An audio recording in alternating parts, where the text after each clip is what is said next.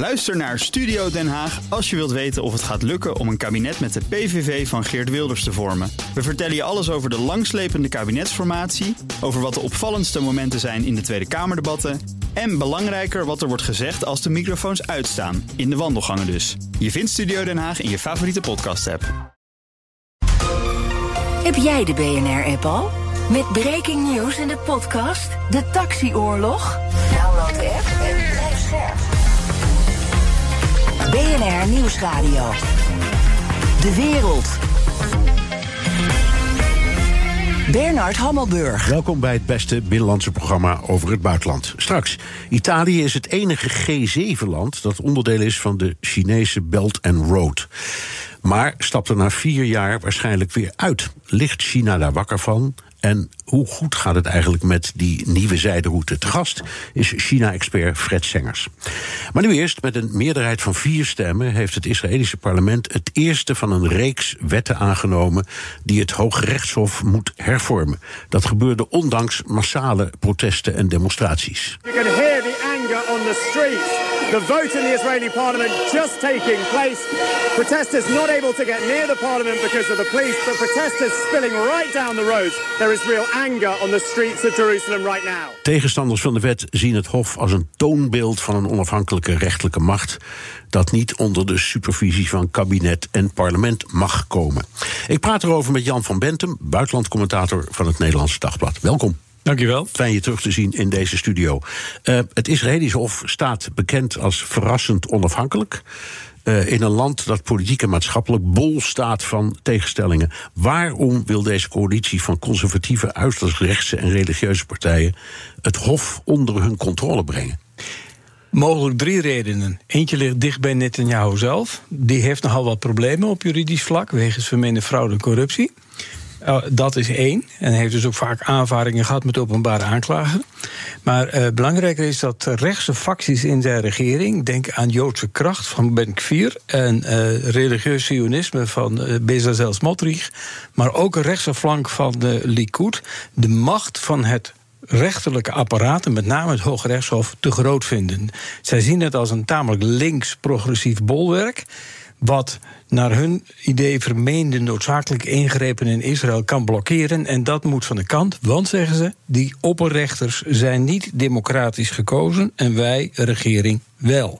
Dus moet de beslissing te allen tijden uiteindelijk in de Knesset liggen. En niet bij een hoger rechtshof dat bijvoorbeeld zegt: dit is in strijd met de, grond, met de basiswet. Want ja. Israël heeft geen grondwet. Nee, grondwet hebben ze niet. En ook geen, ook geen Senaat maakt het allemaal lastig. Ook geen uh, Raad van State, wat nee, wij hebben in dit nee, soort. Dus in ultimo is het Hoge Zeg maar het juridische apparaat ja. dat de regering kan terugfluiten. Dat ook bij herhaling heeft gedaan. Denk aan nederzettingen, politiek op de westelijke Jordaanoever.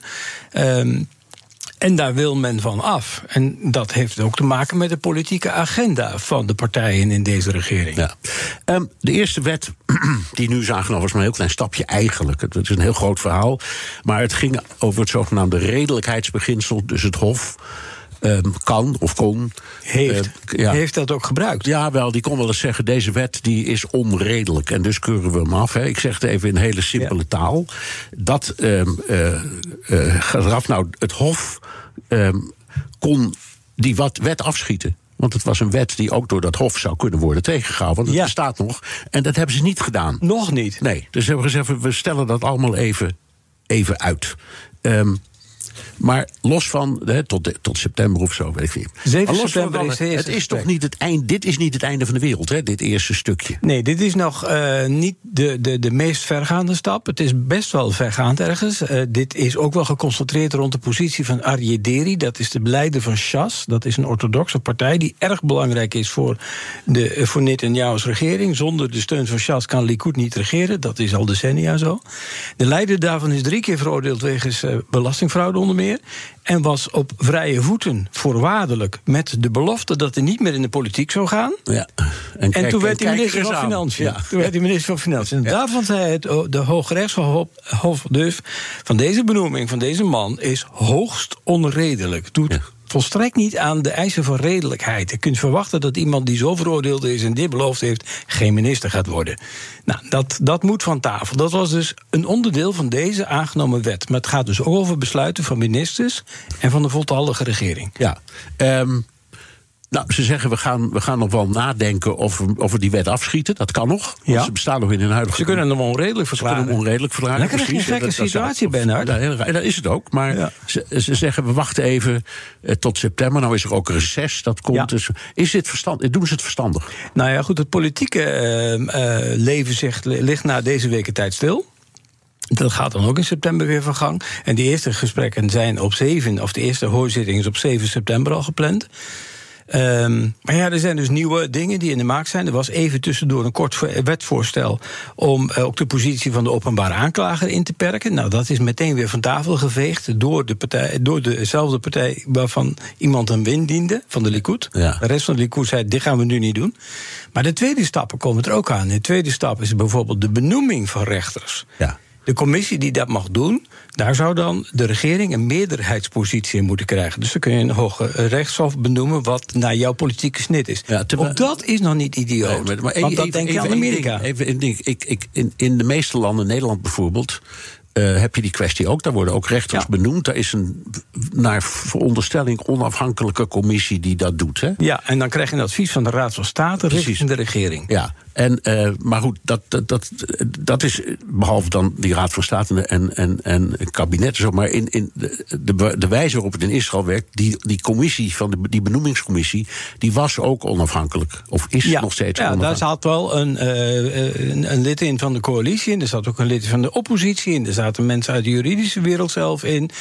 maar daar had de regering dus niet de meerderheid in. En dat willen ze veranderen. En dat doet denken inderdaad aan bijvoorbeeld hoe rechters in het Amerikaanse Hoge Rechtshof worden benoemd door de president. Maar daar kan de Senaat nog een stokje voor steken. Ja, dat moet al, elke benoeming is een voordracht van de president. En dat, kan in, dat kan in Israël dan niet meer. Nee, nee maar de derde stap, je vroeg, dit is nog niet het ergste. De derde stap wordt de, de meest venijnige stap. Dat is wanneer er een wet wordt aangenomen waarvan de rechten zeggen: maar ja, dit is echt in strijd met de basisrechten. Of met bijvoorbeeld de, de onafhankelijkheidsverklaring over rechten van minderheden. Uh, wij keuren die wet af, dan kan, dat is het voorstel, dan zou de Knesset met een meerderheid van één stem. Ja. het uitspraak van het Hoge Rechtshof ongedaan kunnen maken. En dan ben je, vinden velen, de laatste bolwerk van verzet tegen een, uh, laten we zeggen, dictatuur van de meerderheid, dat woord wordt gebruikt, daar ben je dan kwijt. Ja, uh, in een democratie bestaat uit drie onafhankelijke machten.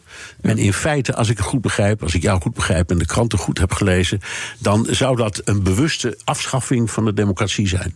Nou, niet van de democratie zeggen ze. Uh, de, de, de regering zegt de democratie wordt er sterker van. Want ja, kijk, wij zijn bij meerderheid gekozen door het volk. En het volk heeft in ultimo altijd het laatste woord. Nee, dat is niet zo. Niet in een rechtbank. En niet in, niet in een rechtsstaat. Nee. nee. En dan kan de meerderheidsbesluit toch onwettig worden verklaard. En nou, dat beginsel, daar zitten ze dus aan te tornen. En dat roept ook heel veel uh, protest op. Ook in bijvoorbeeld de Verenigde Staten, maar ook hier in Nederland. Ik sprak deze week met bijvoorbeeld Ronnie Naftaniel. Nou, een heel bekende verdediger van Israël ook. En, en, ook, voor, en, en ook vertegenwoordiger van het Joodse leven hier in Nederland. He. Voorzitter Centraal Joods Overleg geweest. Uh, vicevoorzitter jarenlang. Uh, directeur 33 jaar lang geweest van CIDI die heeft dit jaar voor het eerst in zijn leven gedemonstreerd tegen de Israëlische regering. Ja. Dat kon hij zich niet voorstellen, vertelde hij. En ja, daar komen dan echt gevoelens bij van wat, wat gebeurt er met dit land? Ja. Wat, wat wil ik dan nog naar dit land eventueel? Ja. Is dit allemaal, want je zei er zijn drie redenen. De eerste die je noemde was Netanyahu met zijn uh, mogelijke uh, processen. Nou ja, hij, hij, die processen lopen. Ja, dat, die, die, die, lopen. Maar goed, als je ernaar kijkt, ik weet niet of ze nou zo verschrikkelijk. Het gaat niet echt. Het gaat, gaat, nee, maar het gaat ook niet om echt hele grote dingen. Er zijn kleine gevallen van corruptie. Ja. Uh, en, en, en, niet zulke hele grote gevallen. Maar kun je zeggen dat Netanyahu deze hele gang van zaken toch op zijn geweten heeft, of zijn partij? Wie heeft dit proces in gang gezet?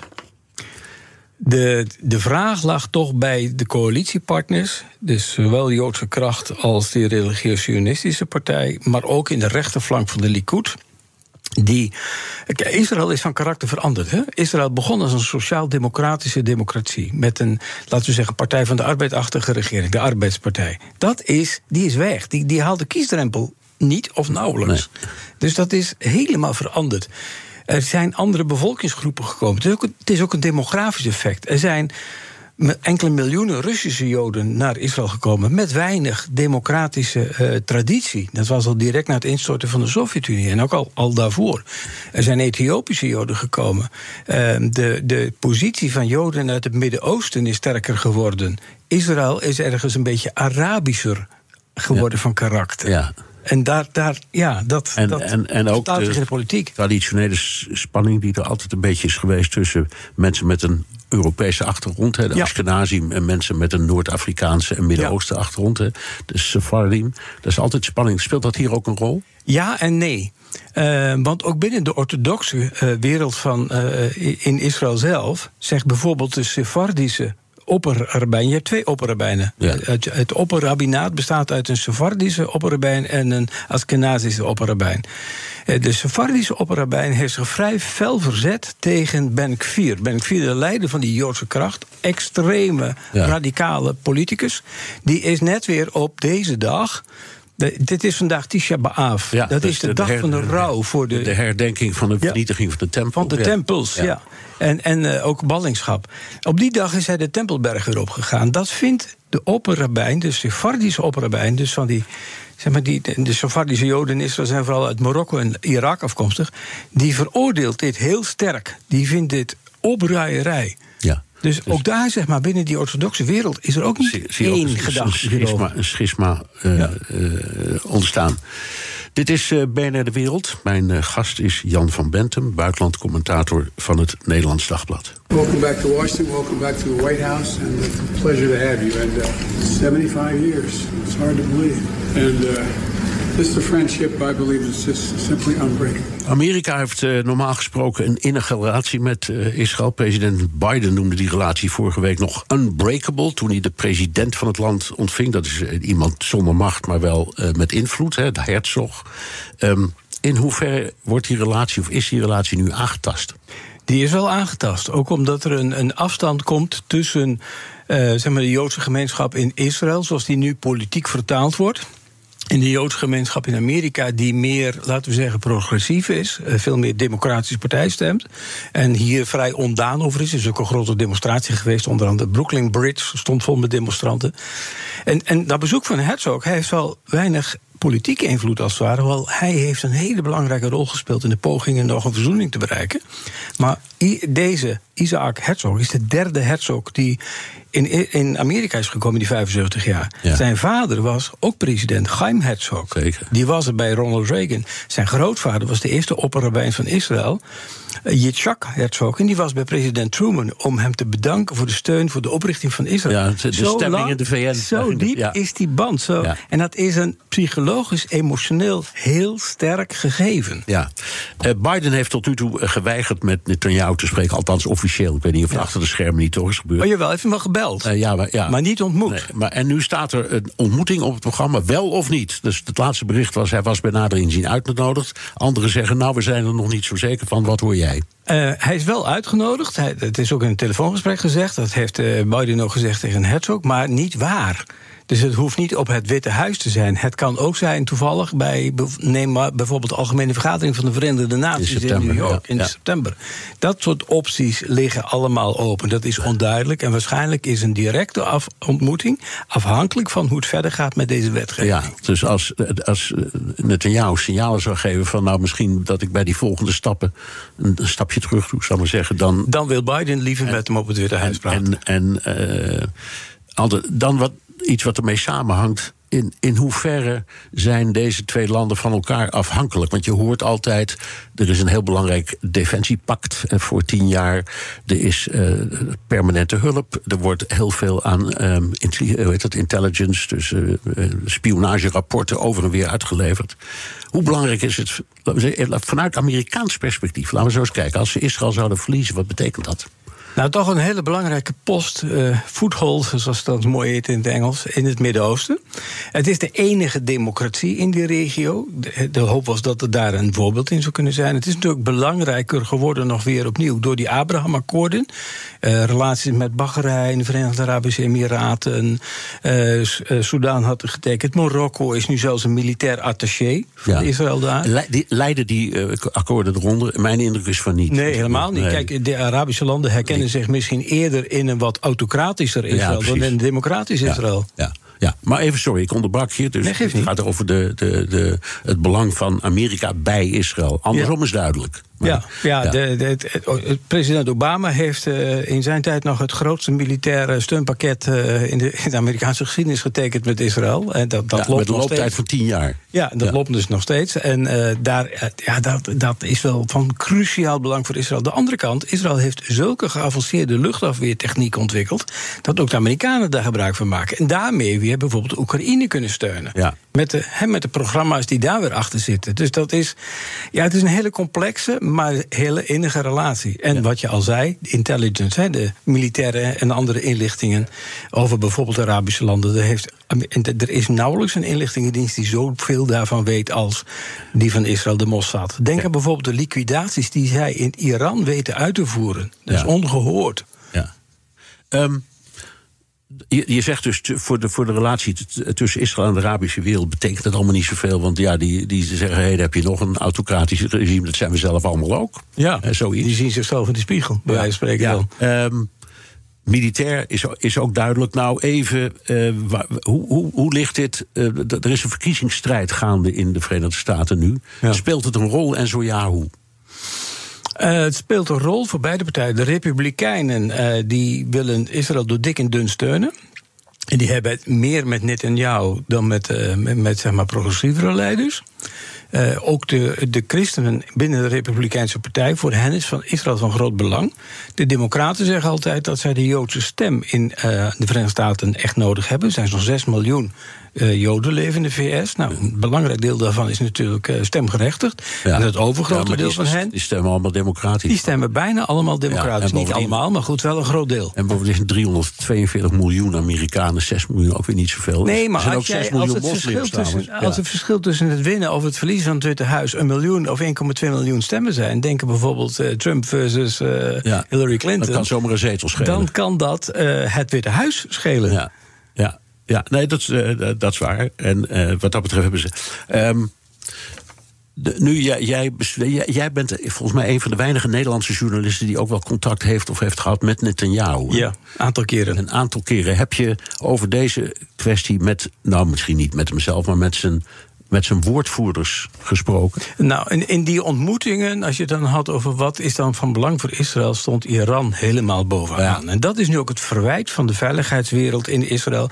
Jij was altijd de man van de Israëlische veiligheid. Jij, je broer is gesneuveld in hebben die bevrijdingsactie in Entebbe. Ja. Jij weet wat er op het spel staat. En nu doe je dit bijna. Ik heb een hele hoop oud.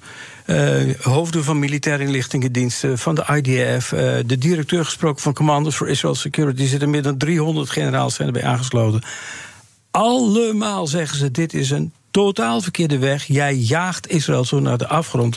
Wij moeten een eenheid blijven vormen en jij verdeelt ons land. Ja. Dit is totaal anders. Dit is niet eerder voorgekomen. Nee. Tijdens welke regering van Netanyahu ook? Nee, dat klopt. En, en je noemt al die topmilitairen. Een deel daarvan demonstreert ook mee. Of ja. onderschrijft, onderschrijft uh, petities.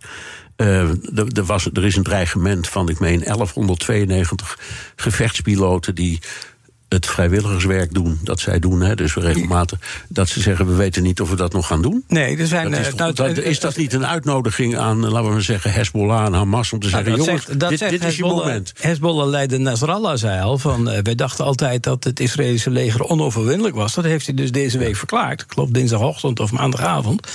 Uh, en daarvan, uh, ja, nee, nu zien we dus dat Israël zwak is, onderuit gehaald geworden. En nog mooier, ze doen zelf. Ja. En dat, ja, dat merk je wel. Nog één vraag. Ik stelde die vraag over jouw contact met Netanyahu niet voor niks. Want er zijn bij mij weten weinig Nederlandse journalisten die dat hebben. Je kent hem een beetje. Denkt hij dat hij, denk jij dat hij op het laatste moment inbindt of niet? Het heeft hij al eerder gedaan. Eh, bijvoorbeeld in maart. Toen wilden ze het ook, eh, deze wet doorjagen. Eh, met name ook zijn eigen Likud-minister van Justitie, Levine.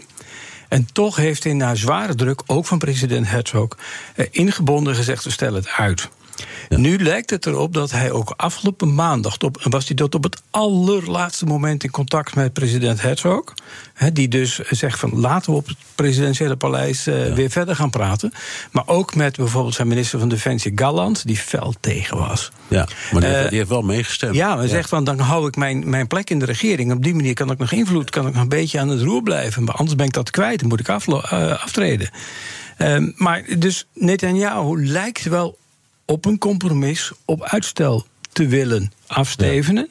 Maar hij wordt gegijzeld door met name Ben Gvir, zeer radicale rechtse politicus. Zelfs veroordeeld wegens racisme in het verleden. Aanhanger van een racistische rabbijn Kahane. Die heeft ook ge- gedreigd zijn partij van... als jij dit niet blijft steunen, laten we jouw regering vallen. Ja. En je weet wat dat betekent. Dan sta je heel snel voor de rechter. Ja, nou, het is eh, spannend en ook wel eh, verontrustend. Dank Jan van Bentum, buitenlandcommentator van het Nederlands Dagblad.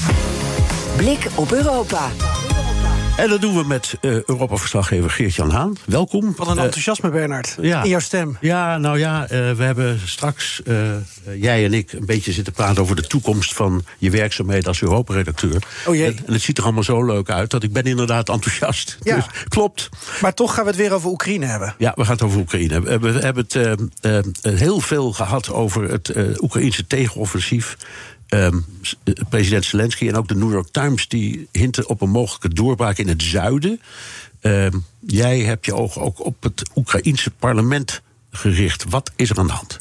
Ja, want terwijl eh, alle internationale journalisten kijken naar of er nou wel of niet een doorbraakje is in dat tegenoffensief in het zuiden van Oekraïne, is er in eh, de uit het Oekraïnse parlement eh, sprake weer van een kleine beltjesdag. Eén keer in de zoveel tijd. Dan wordt daar gestemd over het vervroegde ontslag van een minister of Kamerlid. En in dit geval zitten daar ook wat verhalen achter. Vandaag stuurde het parlement een Kamerlid van de partij van Zelensky de laan uit. Eh, Dienaar van het Volk heet die partij. En ook de minister van Cultuur die werd door het parlement eh, uitgezwaaid of uitgestemd. En beide mannen zijn ook oude vrienden van Zelensky. Maar moesten dus toch wegwezen van de president. Ja, en ehm, wat hebben die dan op hun geweten? Kamerlid Aristof ging op vakantie naar de Malediven. Ja. Verbleef daar in een vijfsterrenhotel met zijn gezin. Nu gun je politici in een land in oorlog wel een adempauze, Bernard. Maar eh, Zelensky gaat te prat op dat politici een voorbeeldfunctie hebben. Heeft ook te maken met het draagvlak in de Oekraïne. Want mannen mogen het land eigenlijk niet eh, verlaten. Tussen de 18 en 60 jaar moet je beschikbaar zijn. Mocht je opgeroepen worden voor eh, mobilisatie. Er is wel een ontheffing mogelijk, maar dan moet je een goede reden hebben. En ehm, En dat is geen vakantie op de Malediven, dat snap ik. Nee. Het ging de president te ver. En hij kwam erachter door een onderzoeksjournalist die hierover had eh, bericht bij, eh, bij Aristof. Ehm, en eh, ja, dan wordt de vis eh, duur betaald. Ja, en, die, Eh, en die minister van Cultuur? Nou, ehm, eh, die eh, had eigenlijk eh, gepleit voor ehm, meer geld naar cultuur, meer geld voor musea, voor Ja. tv-series. En Wa- daarvan. Want ik, ik, ik las daar ook een stuk over, omdat de redenering was: een land in oorlog moet niet vergeten dat het ook een samenleving is. En die heeft ook cultuur en andere dingen nodig. En dat is zijn standpunt. En Zelensky steunt dat tot op zekere hoogte, maar zegt in feite: maximale uitgaven moeten nu naar defensie. En Ja. beste musea, zoek maar een staatsfonds. En wat ik al zei, Bernard, heel kort: beide eh, mannen zijn oude vrienden van Zelensky. Zelensky had samen een vissenrestaurant met Kamerlid Aristof. Ehm, ze hebben ook, eh, eh, meneer Zelensky en zijn vrouw Zelenska, die hadden ook aandelen in een visverwerkingsbedrijf met deze man. En ehm, de minister van Cultuur is de voormalige baas van Zelensky, want die werkt als algemeen directeur bij de tv-zender waar hij, Toen hij nog als comedian is doorgebroken. ja, ja, ja, Dus die banden zijn een beetje doorgesneden. ja, en hoe wordt er in het land gereageerd? Op die ontslaghonden? Nou, eh, er is wel een hele discussie losgebarsten over het punt dat jij ook maakt. Hè? Dus, dus het merendeel van het land is natuurlijk wel eens met het idee dat er veel geld naar defensie moet gaan. Want het gaat ook om salarissen van soldaten. En dat worden er dus steeds meer als, als meer mensen worden opgeroepen. Uitkeringen voor nabestaanden en gewonden. Er is een hele oorlogseconomie rond infrastructuur en logistiek. En het is zo'n groot land, Bernard. En, en Rusland is op zoveel plekken aanwezig. Dus dat is ook inderdaad een enorme operatie. Um, heel veel particulieren in Oekraïne dragen er ook aan bij. Maar Waar mensen op tegen zijn, dat zijn politici die een zweem van corruptie hebben. Nou, en bij een, een vakantievierder op de Malediven in een vijfsterrenhotel wordt daar al snel aan gedacht. Ja. En um, wat ik zeg, onderzoeksjournalisten houden alles in de gaten. Dus ook de aanbestedingen van nieuwe wegen en steden. Eh, waarom kost iets um, een miljoen euro in plaats van 500.000 euro? Waarom moet er ineens, en dit is echt gebeurd, een voetbalstadion in een dorp verrijzen in oorlogstijd. Waarom pleit een burgemeester voor drumstellen in bunkers? Is ook echt gebeurd. Ja. Omdat er vermaak moet zijn bij een. Um, een, een, aanval op jouw stad. Maar hebben de kinderen dan echt drumstellen nodig? Ik zou niet dan in die bunker willen zitten. En denk je dan dat Zelensky dit soort dingen doet? Dus eh, zeg, heel openlijk zich verzetten tegen corruptie, corruptie. Omdat hij kijkt naar hoe, of dat hij rekening mee hoe in Brussel wordt gekeken naar hem. Ja, en dan heb je het over de Europese Unie of over ja, de of de NAVO, want die zitten naast elkaar en die kijken allebei. Ik, ik denk het wel. Uh, hoe dichterbij um, de EU en de NAVO uh, Oekraïne komt, um, hoe beter. Dat is ook belangrijk voor Zelensky's positie en voor zijn land. Maar wat we niet moeten vergeten is dat hij ook uh, mensen in eigen land onder druk zet. met zo'n maatregel waar hij niet mee bevriend is die niet van zijn partij zijn of die hij als rivaal ziet. Zoals de burgemeester van Lviv, dat is een fan van landschapsarchitectuur. Ja. Burgemeester Klitschko van Kiev is absoluut geen vriend van Zelensky. En die is momenteel geld aan het investeren in het repareren van wegen en fonteinen. Maar wat wil je? Er wonen 3,5 miljoen mensen in Kiev en ze zijn bijna allemaal terug. Dus die willen ook lekker naar buiten, ook als die stad een keer niet onder vuur ligt. En een groot deel van het land heeft ook eigenlijk weinig met de oorlog te maken. Ze kennen wel uh, mensen die naar het front zijn gegaan en helaas dan overleden terugkomen en moeten worden begraven. Maar een heel groot deel van het land ligt niet dagelijks onder vuur. En daar moet je ook het gevoel hebben: hier wil ik blijven. Anders trekt iedereen weg uit Oekraïne, bijvoorbeeld elders in Europa. Ja. En dan kan je ook je land weer niet verder opbouwen. Dus het is een ongelooflijk moeilijke discussie.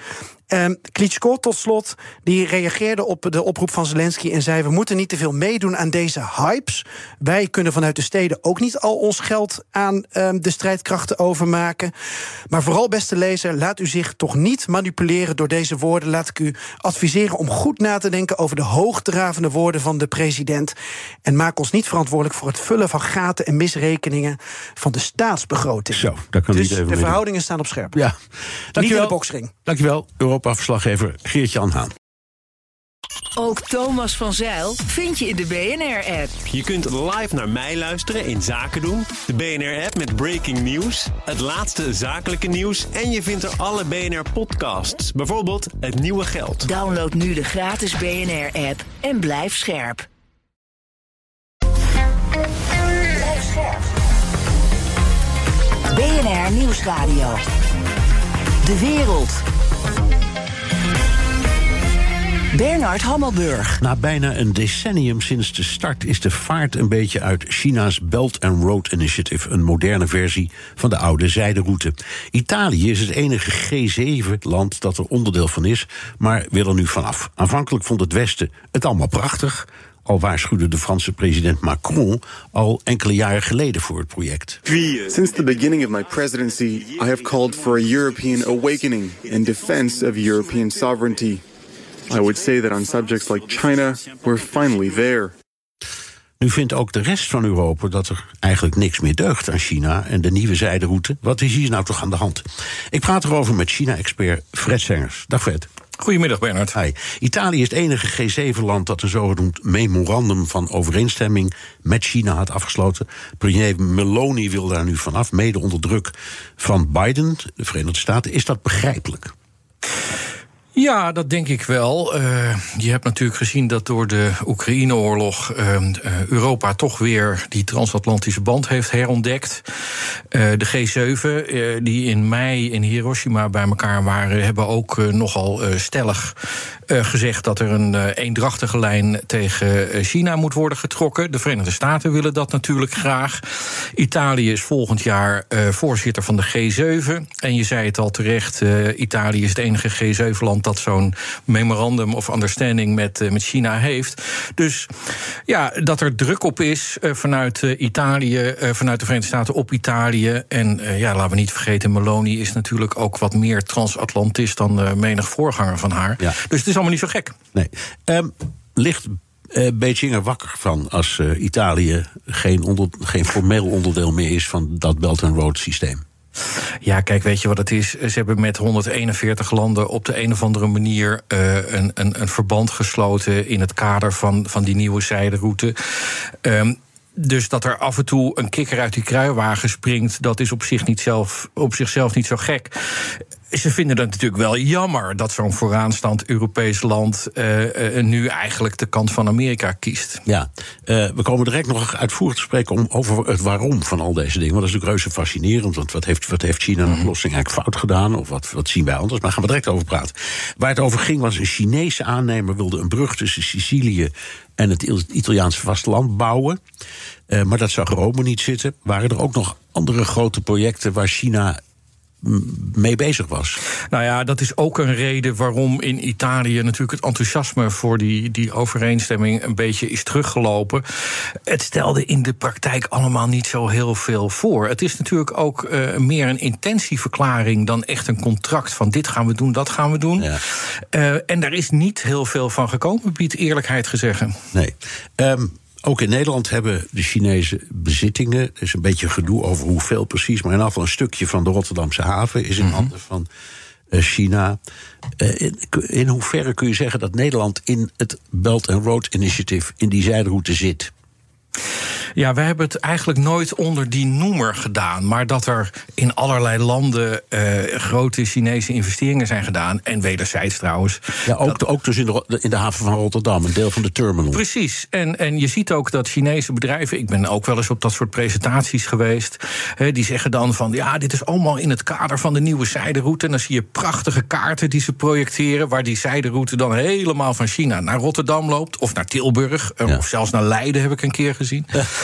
Um, dus ja, het was voor veel Chinese bedrijven natuurlijk ook een mogelijkheid om, om een goede sier te maken bij de beleidsmakers en toestemming te krijgen om uh, middelen naar het buitenland te brengen. Ja, maar goed, uh, het, het idee was. Nou, nog even anders, want we hebben het nu over Rotterdam, stukje mm van die haven. Ze hebben niet heel Nederland gekocht, maar het is toch, nee. is toch indicatief. Uh, ze hebben, voor zover ik wel begrijp, begrijp, wel het grootste deel van de Griekse haven Piraeus gekocht. Ja. Dus dat is gewoon Chinees bezit in, in, in de EU. Dat klopt. Ja, daar hebben we het een beetje aan onszelf te wijten. Want uh, we, dan gaan we terug naar de economische crisis. En uh, toen zat het met uh, de Griekse uh, financiën, staatsfinanciën, zat natuurlijk allemaal niet goed. En toen heeft, ja, je herinnert je Dijsselbloem nog wel. Zeker. Die heeft gezegd van, ja, er moet orde op zaken gesteld worden. Verkopen tafelzilver maar. Nou, niemand was geïnteresseerd in die haven, behalve Costco. Ja, en zo is het, zo is het gegaan. Ja. Maar er was dus niemand die op dat moment, ook Dijsselbloem niet, die zei: je, je doet het tafelzilver, maar niet, liever niet dat deel. Nee, maar dat was ook wel een andere tijd. Want kijk, uh, de, er is een soort omkering gekomen in 2017. En daarvoor was eigenlijk, ja, was China werd vooral als economische kans gezien. Ja. En, en de pendule is eigenlijk helemaal de andere kant op geslagen. En nu zien we China vooral als bedreiging. Terwijl de waarheid natuurlijk in het midden ligt. Ja, nou ja, dat weet ik niet. Daar gaan we direct over hebben. Nou, Bernard. Nee, nee, nee. Wat een teasers allemaal. Ja, ja, ja, ja. ja, maar even, ja dat, moeten we toch af en toe moet je toch echt hè, spannend houden. Maar dat is. Um, dat Belt and Road, dat wordt voorgesteld, je zei het al, als een soort groot plan. Uh, maar eigenlijk zijn, is het een, een hele uh, ja, serie van min of meer kleine of grotere projecten zo door, door de wereld heen. Ja. Uh, en, en dat valt dan allemaal onder, onder, dit, onder deze noemer. Uh, hoe zit dat nou in elkaar? Ja, dat zeg je goed. Het is eigenlijk een, meer een idee, hè, wat in, in, in 2013 door Xi Jinping is, is gelanceerd. Um, en er is nooit een blauwdruk geweest van, nou ja, dan moet er dit en dat gebeuren. Dus het is een soort paraplu-idee waar ja, Chinese ambtenaren plotseling gingen rennen en, en staatsbedrijven, maar ook private partijen in China het plezierig vonden om daaraan mee te werken. Want dat, dat geeft politieke rugsteun in China.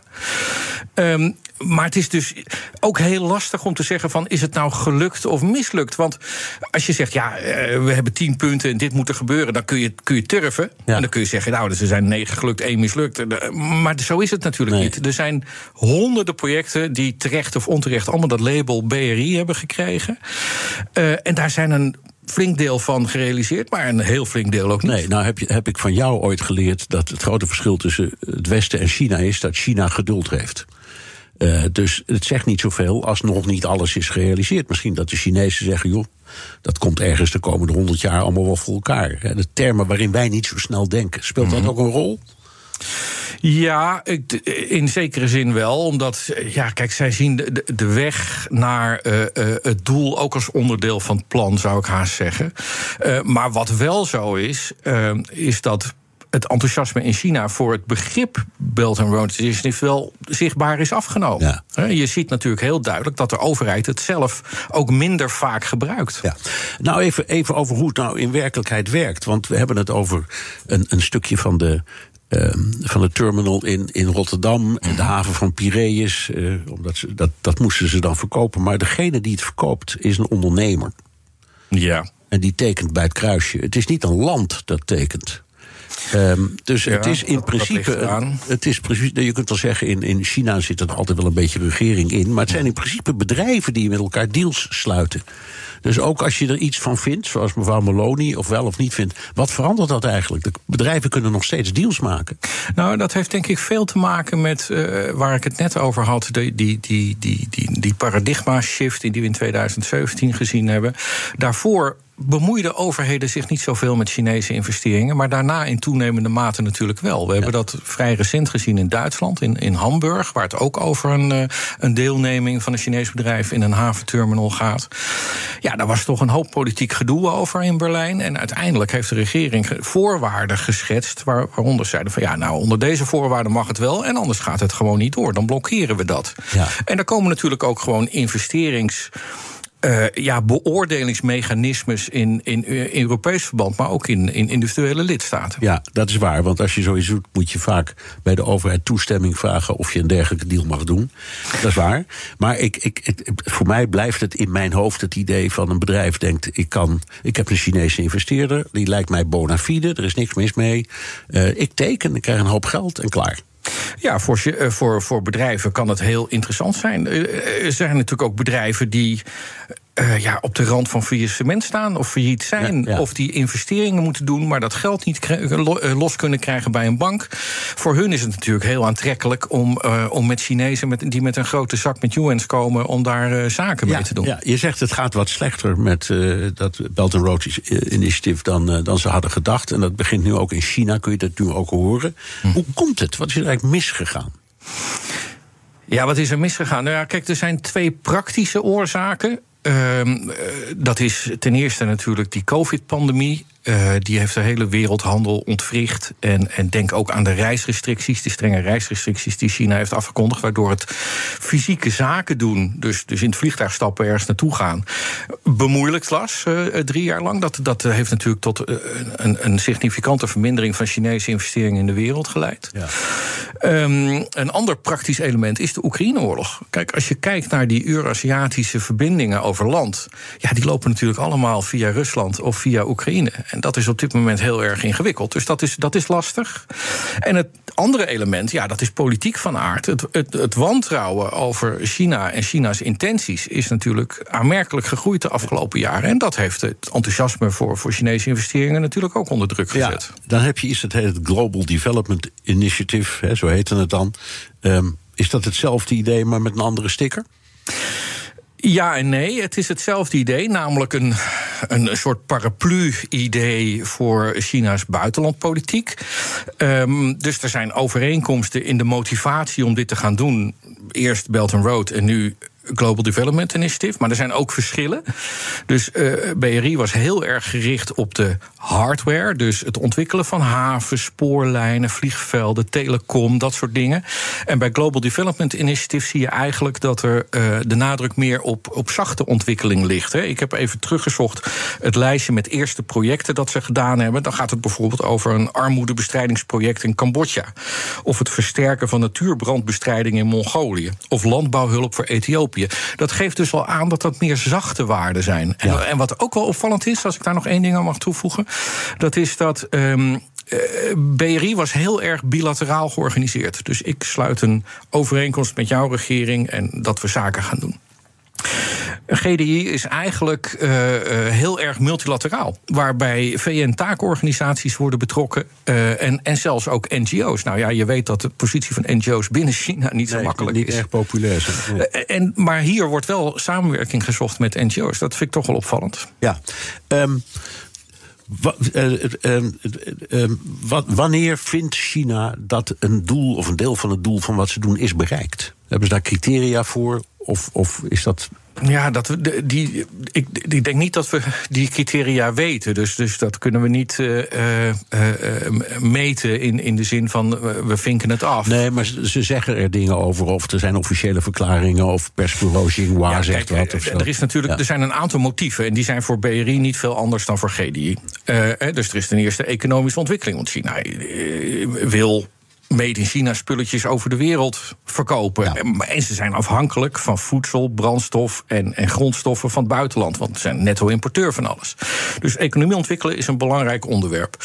Maar er is natuurlijk ook een strategisch belang. Hè? Dus dat je zegt van eh, de- de- wij, eh, als, als straks in een crisissituatie bijvoorbeeld de straat van Malakka wordt afgesloten door, eh, door westerse mogendheden, dan hebben de Chinezen een probleem. Dus het ontwikkelen van landroutes Ja. is voor hun een strategisch instrument. En er is ook nog een politiek instrument, en dat vind jij natuurlijk interessant. Ja, je koopt natuurlijk toch invloed in de wereld. Ja, dat, eh, dat is ongetwijfeld waar. Dit is BNR De Wereld. Mijn gast is China-expert Fred Sengers. Net als in Italië werd het Belt and Road project in veel westerse landen eerst toegejuicht. Maar voormalig president Trump benadrukt al lang dat China een bedreiging vormt. By phasing in tariffs and restrictions, we will phase out imports of all essential goods from China, and we will bring those jobs and factories back to South Carolina and our other great states.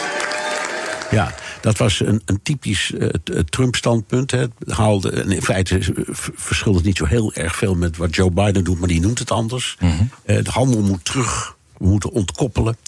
Ehm, kun je zeggen dat Trump die, de relatie met China, of dat een van de belangrijkste momenten is geweest waarop die relatie met China is veranderd? Ja, dat denk ik wel. Eh, Trump is daar eh, zeker trendsetter in geweest. Er zijn altijd mensen geweest die daar kritisch over zijn geweest. Eh, maar hij heeft het natuurlijk tot beleid verheven van de Verenigde Staten. Eh, we herinneren ons allemaal die, eh, die, die, die handelsbelemmeringen die hij opgeworpen heeft. Hij heeft ook een begin gemaakt met, met het moeilijk maken om technologie aan, aan China te leveren. Wat Biden vervolmaakt heeft eigenlijk, of mee aan het vervolmaken is. Ja. Ehm, dus ja, hij was zonder meer een van de eerste in, eh, in de wereld die daar een, een heel stellig en sterk Ja, standpunt in maar dat was dan, ik maar zeggen, transactioneel, zoals dat tegenwoordig heet. Dus hij zag dat China misschien in de markt eh, de Verenigde Staten aan het wegdrukken was. En dat dat banen ten koste ging van banen in Amerika. Het is eigenlijk puur een, een, een, een macro-economische soort redenering. Maar je kreeg ook corona en eh, Trump die plotseling dat niet meer eh, corona noemde, maar de China-virus. en dat consequent heel lang heeft gedaan. Ehm, en dat leidde tot eh woede-uitbarstingen eigenlijk in heel Amerika. En iedereen demonstreerde tegen China vanwege het China-virus. Was dat ook een, een soort schakelaar die omging in de relatie? Nou ja, hij heeft die pandemie gebruikt om zijn, eh, ja, toch wel, mag ik denk ik wel zeggen, anti-Chinese agenda eh, van zuurstof te volzien, voorzien. Ehm, en daarbij liepen op een gegeven moment natuurlijk eh, feiten en veronderstellingen behoorlijk door elkaar heen. Hè. We herinneren ons allemaal Pompeo, die, die, die heel stellig eh, zei van ja, we hebben bewijs dat er een, een, een eh, gewe- is geweest. Ja. Eh, nou, dat hebben we nog niet gezien, dat bewijs. Nee, maar, en in, in deze nieuwe campagne, je hebt, je hebt een, eh, in Amerika een tegenstander in eigen partij van Biden, meneer Kennedy. En die zegt: het is gewoon gemaakt. door de Chinezen. En heel, heel duidelijk bedoeld. En die, die, nou ja, fijn. Dat is niet wat wetenschappers zeggen. Nee, nee, nee, maar hij zegt de wetenschappers snappen er niks van en ik wel. Maar goed, dat, dat soort dingen je- Politiek gezien heeft hij daar gelijk in. Ja, ja. Oké, nu even. ehm, eh, dat, daar hadden we het al over. Ik kondigde dat aan, want ik wil het echt graag begrijpen. Is er nou werkelijk iets veranderd in de relatie tussen China en het Westen? Of is dat voornamelijk iets wat het Westen vindt? En Nee. China niet echt? Er is echt wel iets veranderd. En, en, en China begrijpt dat niet goed. Ehm, eh, de, de, de- er is echt wel nu sprake van een, een zeer kritische. Om niet te zeggen wantrouwige houding ten aanzien van, van China en wat er uit China komt. En die soms ook best wel een beetje doorslaat. Ehm, Ja, maar ik bedoel, we hebben jarenlang, heel lang naar China gekeken als een productieland. Want toen was het een lage lonenland. En na eh, de, de economische hervormingen onder Deng Xiaoping, hè, die dus perestroika invoerde, maar geen glasnost. Maar toen werd het plotseling een interessante handelspartner. Ja. Eh, En dat, iedereen was heel trots op, op investeringen. Philips ging daar ehm, CD's produceren in een zo grote fabriek dat ik geloof zelfs het dorp naar Philips is genoemd. Eh, de helft van alle Volkswagens in de wereld worden in China ge- geproduceerd. Kortom, er is een enorme verstrenging gekomen. En plotseling tegelijkertijd een beweging van we zijn fout bezig. Dus eerst, eerst jarenlang een, een, een, eigenlijk een hele goede relatie. En plotseling, dat kwam uit het Westen. Dus wat is er gebeurd? Ja, eh, nou ja, uiteindelijk is het denk ik terug te voeren op het feit dat wij hier in het Westen, maar met name in de Verenigde Staten. eh, kijk, wij, wij hebben natuurlijk heel lang voor het zeggen gehad hoe het ging in de wereld. Ja. Misschien wel 400 jaar uiteindelijk. En, en, en Amerika is al 100 jaar het machtigste eh, land eh, ter wereld. Zeker na de val van de muur en de implosie van, eh, van de Sovjet-Unie. Ja. Eh, die positie die is heel comfortabel. En na de Tweede Wereldoorlog hebben we de, de wereldorde zo ingericht dat het onze doelstellingen eh, eh, behartigt, zeg maar. Onze belangen behartigt. En nu is er plotseling een land dat heel groot en sterk is geworden. Tweede economie ter wereld. Als je de econoom mag geloven, gaan ze, gaan Amerika op een gegeven moment zelfs inhalen. Ehm, en dat speelt niet helemaal volgens onze regels mee. En dat vinden we niet leuk. En, en, en in de Verenigde Staten, ja, waar men toch eh, het idee heeft dat men eh, eh, een, een uitzonderlijke positie in de wereld inneemt. En dat ze, ja, je hebt daar lang gewerkt, je komt er graag. Je weet dat, dat zij het idee hebben dat, dat het heel logisch is dat zij het voor het zeggen hebben in de wereld. Zeker, zeker, zeker. En, En van die hegemonische positie willen ze niet af. Nee. Nou ja, goed, maar het, dat kan nooit. Er moet altijd een ratio zijn. Je moet altijd rationeel zijn. En als je zo met elkaar verstrengeld bent geraakt, ook, ook, ook Europa trouwens en China. Eh, Dan kun je bij wijze van spreken niet van de een op de andere dag een soort schakelaar die je omzet zeggen: hé, hey, we hebben er nog eens over nagedacht, die Chinezen deugen niet. Want waarin deugen ze nou eigenlijk niet? Het is heel mooi dat hun economie verbetert. Het is heel mooi dat ze een grotere economie hebben worden. Het is heel mooi dat ze een groot deel van de mensen uit de armoede hebben gehaald. Allerlei dingen waarvan je kunt zeggen, nou bravo, dat is in ieders belang. Dus wat is er nu, wat is, waar, waar zit dat wantrouwen in?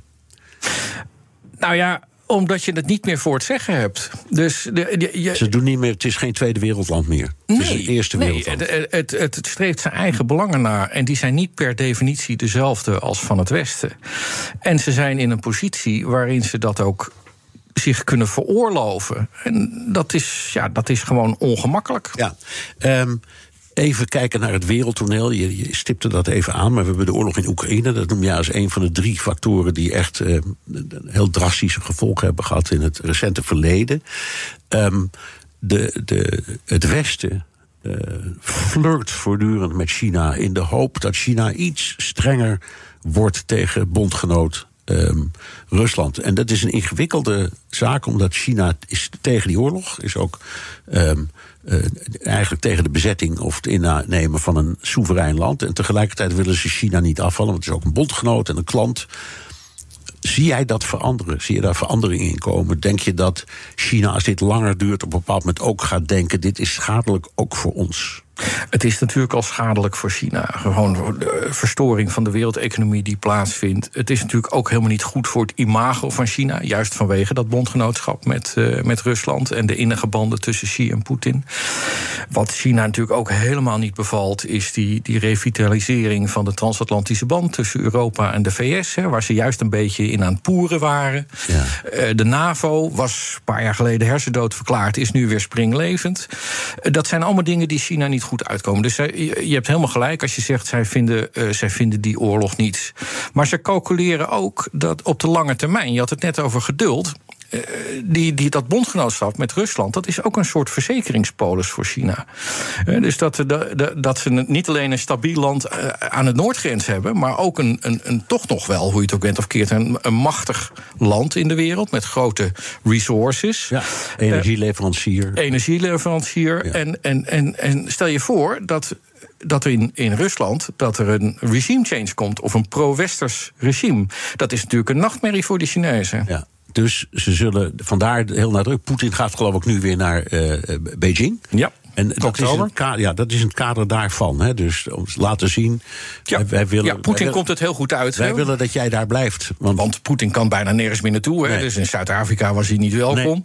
Nee. nee. Uh, bij de BRICS-top. Uh, dus, dus het is natuurlijk heel wat dat hij als staatsman ontvangen wordt in China. En China geeft daar ook een duidelijk signaal mee af. dat ze op dit moment nog niet van plan zijn om Poetin te laten vallen. Nee. Wat niet wegneemt dat ze wel invloed uitoefenen. Want ja, China heeft natuurlijk ook in dat 12-puntenplan, dat vredesplan tussen dikke aanhangstekens, natuurlijk ook een aantal dingen genoemd die zeer lovenswaardig zijn. Hè. Van hou een beetje rekening met de burgers, behandel krijgsgevangenen goed, geen kernwapens, laat die kerncentrale met rust. Dat zijn natuurlijk dingen waar we blij mee moeten zijn dat China dat ook wil. En, ja. en, en daarvoor uh, uh, bij Poetin uh, zich hard maakt. Maar hem laten vallen zie ik op dit moment nog niet gebeuren. Nee, en ze, ze, ze houden van. De Chinezen houden net als Russen van veiligheid aan hun grens. En op, dit, op dit moment is, is Rusland aan hun grens veilig. Ja, ja, en uh, dus ze zullen ook met de nodige zorg hebben gekeken toen, uh, toen die hele Prigozhin-affaire was. En ja. dat ze dachten, wat, wat gaat daar nou in godsnaam gebeuren in Moskou? Nou ja, dat lijkt allemaal een beetje met een sisser uh, af te lopen. Um, maar er is een theoretisch mogelijkheid dat. De stel dat Poetin echt in een situatie komt dat, uh, dat hij de oorlog gaat verliezen. of dat, daar, uh, dat zijn bewind gaat vallen. Dat die hangt niet alleen aan hemzelf, kan ook een Poetinist zijn. Ja, dan is er een theoretische mogelijkheid dat China zegt: ja, we gaan toch wat actiever de Rusland ondersteunen dan we nu doen. Uh, uh, want we willen niet dat hij de oorlog verliest. Nee, ze hebben belang bij het in stand houden, net als met Noord-Korea. Wat ze de, Precies. een soort buffer zien tussen ja, exact. hunzelf en uh, de rest van de wereld. Oké, okay, dankjewel, China-expert Fred Sengers. En tot zover BNR De Wereld. Terugluisteren kan via de site, de app, Spotify of Apple Podcast. Reageren kan via een mailtje naar dewereld.bnr.nl. Tot volgende week. Ook Diana Matroos vind je in de BNR-app. Ja, inderdaad. Je kunt live naar mij luisteren tijdens de Big Five. Ook handig in de BNR-app. Breaking nieuwsmeldingen, maar ook het allerlaatste zakelijke nieuws. En je vindt in de app alle BNR-podcasts, waaronder Wetenschap Vandaag. Download nu de gratis BNR-app en blijf scherp.